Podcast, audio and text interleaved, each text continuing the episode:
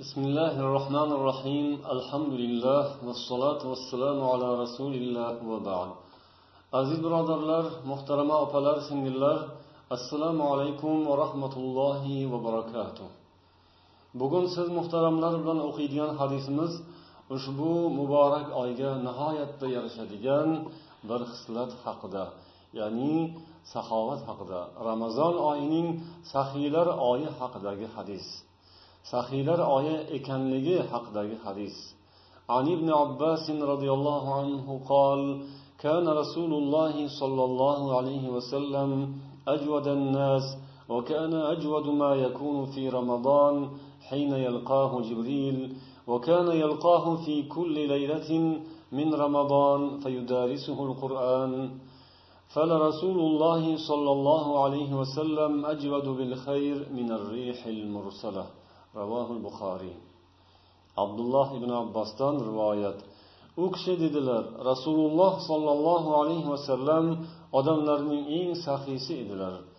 U zotning eng saxiy bo'lgan vaqtlari ramazonda jabroil uchrashgan paytlarida bo'lar edi.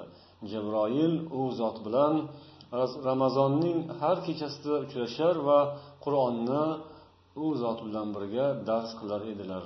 Bas rasululloh sollallohu alayhi vasallam yaxshilik bobida barchaga barobar eshadigan shabbodadan ham ko'ra saxiyroq edilar.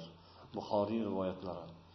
Mana bu hadis siz bilan bizga insoniyat uchun eng muhim fazilatlardan biri bo'lmish saxovat haqida xabar beradi. Alloh taolo o'zi saxiy zot. U zotning olamga yuborgan rahmatan lil alamin sifatli payg'ambari eng saxiy inson. Biz mansub bo'lgan din ana shunday saxiylikka chaqiradigan din. Musulmon odam o'zining yaratgan parvardigori shunday barchaga barobar yaxshiyu yomonga kofiru musulmonga saxovat ko'rsatadigan zot ekani bilan bu o'zining payg'ambari rasululloh sollallohu alayhi vasallam insoniyat ichida eng saxovatli zot ekanliklari bilan va u mansub bo'lgan din insonni hamisha yaxshilikka ezgulikka saxovatli bo'lishga chaqiradigan din ekanligi bilan faxrlanadi. Va mana shu narsalarga ana shunday ulug' saxiy zotga loyiq banda bo'lishga ana shunday saxovatli oliyjanob payg'ambarga munosib ummat bo'lishga mana shunday oliyjanob dinga munosib musulmon bo'lishga harakat qiladi. Mana bu oy siz bilan bizga mana shunday fazilatlarni o'qitiruvchi o'rgatuvchi singdiruvchi va o'zimizda mana shunday yaxshiliklarni tarbiya qilishga shakllantirishga yordam beruvchi oydir. Rasululloh sollallohu alayhi vasallamda bo'lgan bu fazilat siz bilan biz ummatlarga ham o'tgan musulmon um-, ummatiga ham musulmon insonlarga ham alhamdulillah kim o'tgan va bu davom etib keladi va mana shu oyda ayniqsa yaqqol namoyon bo'ladi va bu oyda olgan bizning ibratlarimiz tarbiyamiz yilning boshqa oylarida ham davom etadi. Saxovat haqida nihoyatda ko'p gapirish mumkin. Saxovatning o'zi cheksiz ekan bu uning tarifi ham bitmas tuganmas.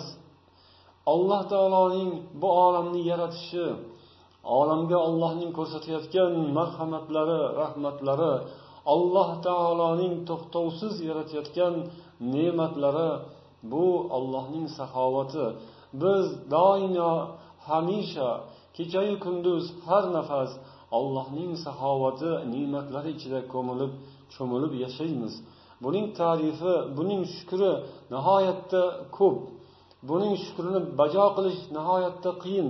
Ammo inson agar shuni tushunsa shunga iqror bo'lsa shukurni boshlanishi ana shu nuqtadan bo'ladi.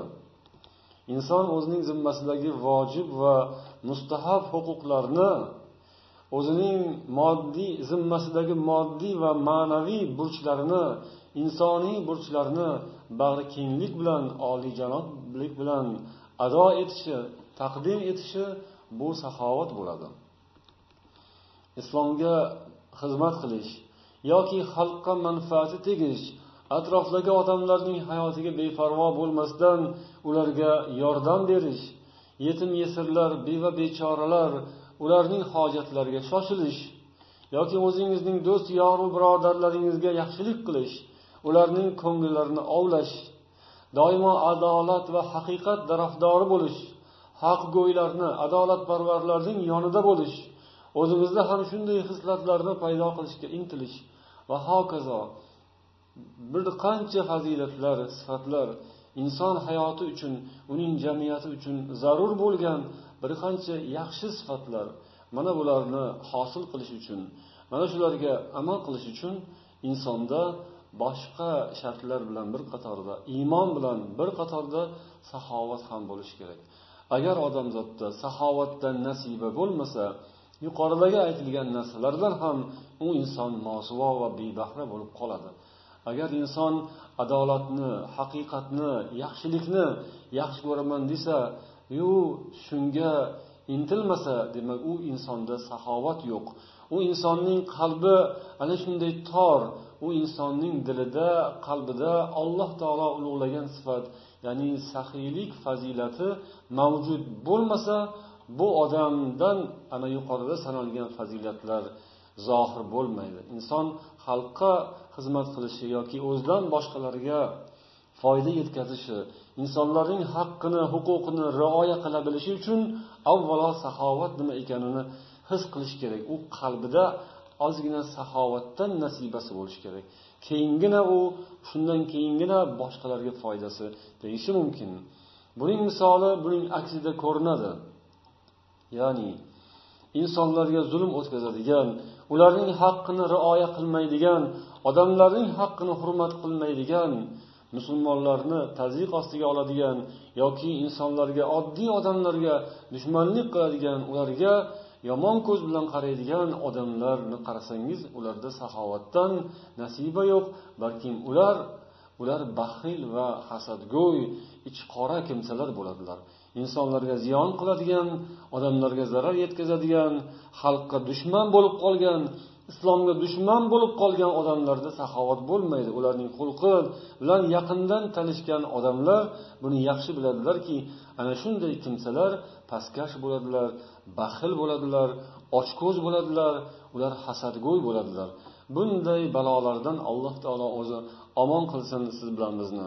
Mana bu ulug' ramazon oyi siz bilan bizni yuragimizni kengroq qilishga saxiy bo'lishga qo'limiz ochiq bo'lishga atrofdagilarga biz beparvo emas balkim ularning dardu g'amlari bilan ularning tashvishlari bilan ham birga yashashga o'rgatadigan chaqiradigan oy. Bu siz bilan bizga saxovatni o'rgatadigan oy. Mana shu narsalar bu ulug' fazilatlar rasululloh sollallohu alayhi vasallamning tabiatlarida mavjud edi va yaxshi insonlarning tabiatlarida mavjud edi. Bu dunyoga yaxshilik keltirgan payg'ambar u kishiga yaxshilik bilan ergashgan insonlar barchalarining tabiatlarida saxovat bo'lgan va ana shuning sharofati bilan din yashnagan olam yashnagan. Barcha kulfatlarning asosida baxillik yotadi ichqoralik yotadi.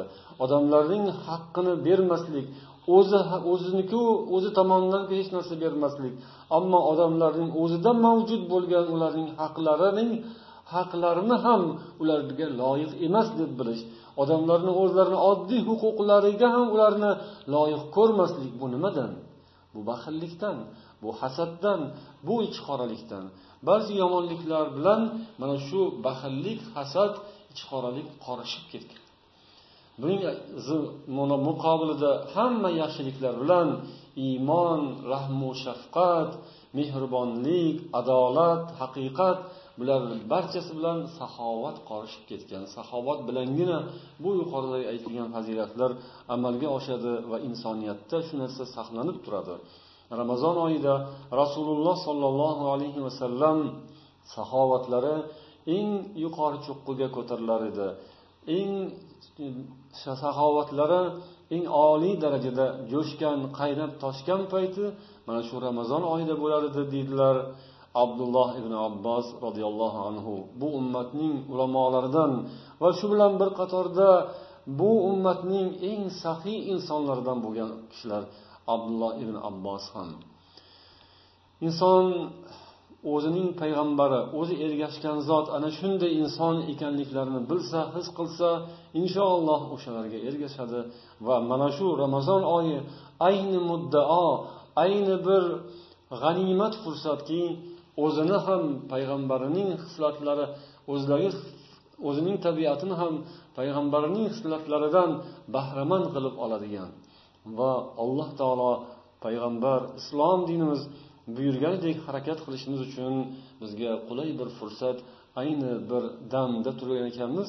Alloh taolo barchamizga mana shu fazilatlarni iloji boricha ko'proq ko'proq nasib etsin. Inson mukammal rivojlanishi uchun u to'g'ri tarbiya topishi uchun unga qulay bir fursat ham lozim. Ya'ni insonga yaxshi bir muhit sharoit lozim.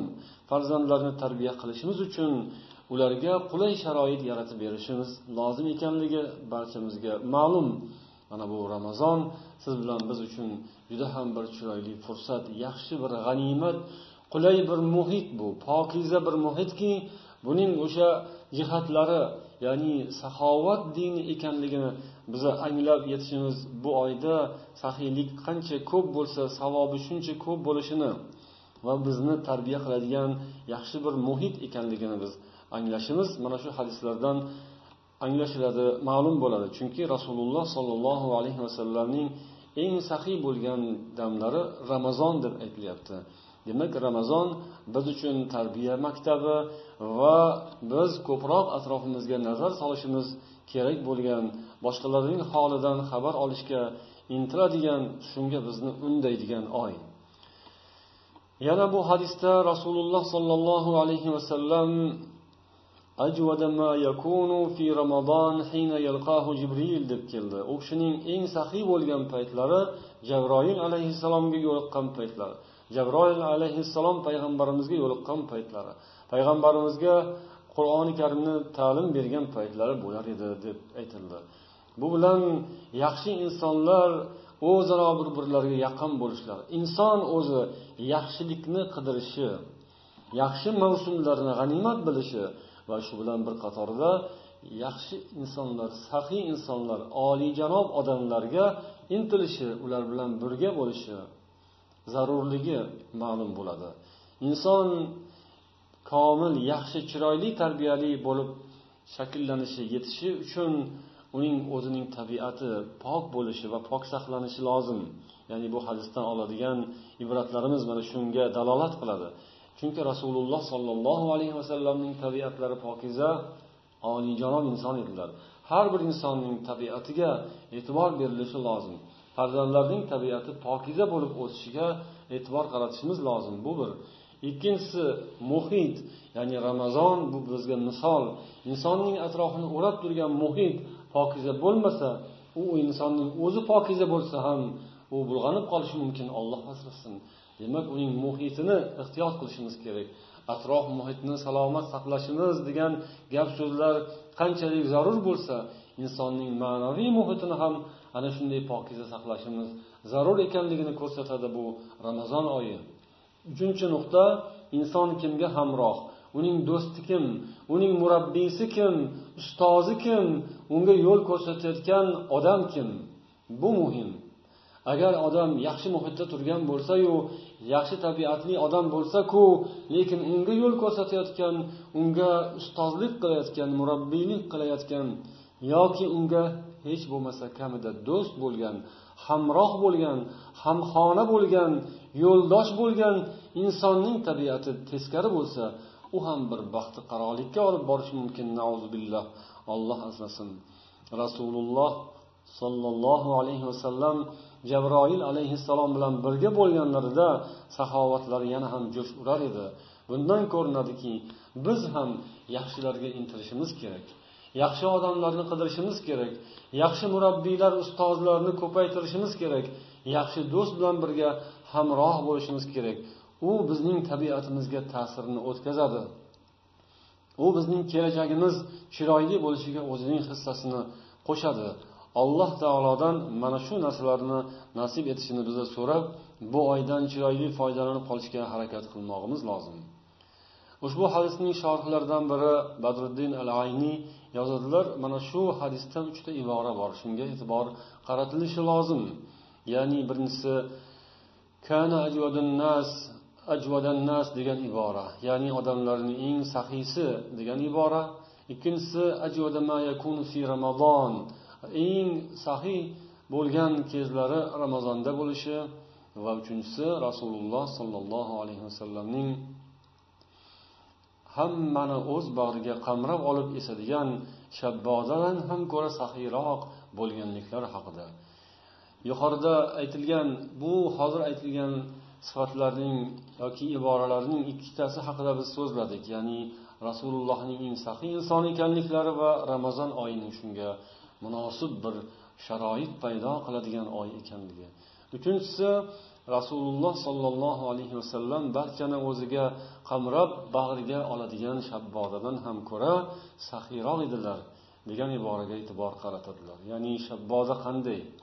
U barchaga barobar esadi. U shabboda tufayli shamol tufayli keladigan bulutlardan yog'adigan yomg'ir barchaga barobar yog'iladi. Ya'ni u boyga ham kambag'alga ham yog'adi. Yaxshiga ham yomonga ham yog'adi. Tirikka ham o'likka ham yog'adi. Hammaga barcha barchaga rahmat suvini ulashadi. Yoki shabboda barcha barchaga hammaga o'zini hadyasini ulashib ketadi. Rasululloh sollallohu alayhi vasallamning saxovatlari ham ana shunday barchaga barobar edi. Boyga ham kambag'alga ham. Yoki yana buning bir jihati deydilar mana shu shabbodaning tezligi shamolning tezligi. Ya'ni o'z vaqtida kerak paytida zudlik bilan tezlik bilan hamma yoqqa bir pasda bir zumda yoyilishi bor. Rasulullohning saxovatlari ham ana shunday zudlik bilan o'z vaqtida tezlik bilan egasiga joyiga yetib borishi bor edi. Uchinchi jihati davomiylik uzilib qolmasdan bir boshlanganda o'sha orom beradigan bir boshlanganda oxirgi nuqtasigacha yetkazadigan jihati. Ya'ni yomg'ir bir kelib yog'ib hamma yoqni serob qilib ketganidek yoki shabboda davomli ravishda esgani kabi rasululloh sollallohu alayhi vasallamning ham saxovatlari ana shunday davomli bo'lar edi deydilar. Alloh taoloning marhamati ulug' rahmatlari yog'iladigan oy yana bir jihati qur'oni karimni dars qilgan paytlarida. Qur'oni karim ana shunday ajoyib kitob. Siz bilan bizni oliyjanoblikka insoniylikka adolatga haqiqatga saxovatga targ'ib qiladigan kitob. Bu kitob ramazon oyida ko'p ko'p tilovat qilinadi. Qur'on tilovat qiladigan odamning qalbi boy bo'ladi. Qalbi boy odamning keyin qo'li ochiq bo'ladi ko'zi to'q bo'ladi. Demak bu saxovat boylik yoki kambag'allikka bog'lanib qolgan ish emas. Saxovat qalbning boyligiga bog'liq. Ko'zning to'qligiga bog'liq. Inson qalbi boy ko'zi to'q bo'lishi uchun u qur'onga bog'lanish kerak qur'onni ko'proq tilovat qilish kerak va qur'on ma'nolariga kirib borish kerak qur'on ma'nolarini qalbiga jo qilish kerak. Uning qalbi boy bo'lsa ko'zi to'q bo'lsa qalbi to'q bo'lsa ana u boy bo'ladimi kambag'al bo'ladimi odam saxiy bo'ladi oliyjanob bo'ladi saxovat ana o'shandan namoyon bo'ladi zohir bo'ladi. Alloh taolo barchamizga bu ulug' fazilatni mukammal qilib berishini so'raymiz. Bu saxovat oyining barakotlari barchamizga ilohim barobar bo'lsin. Assalomu alaykum va rahmatullohi va barakatuh.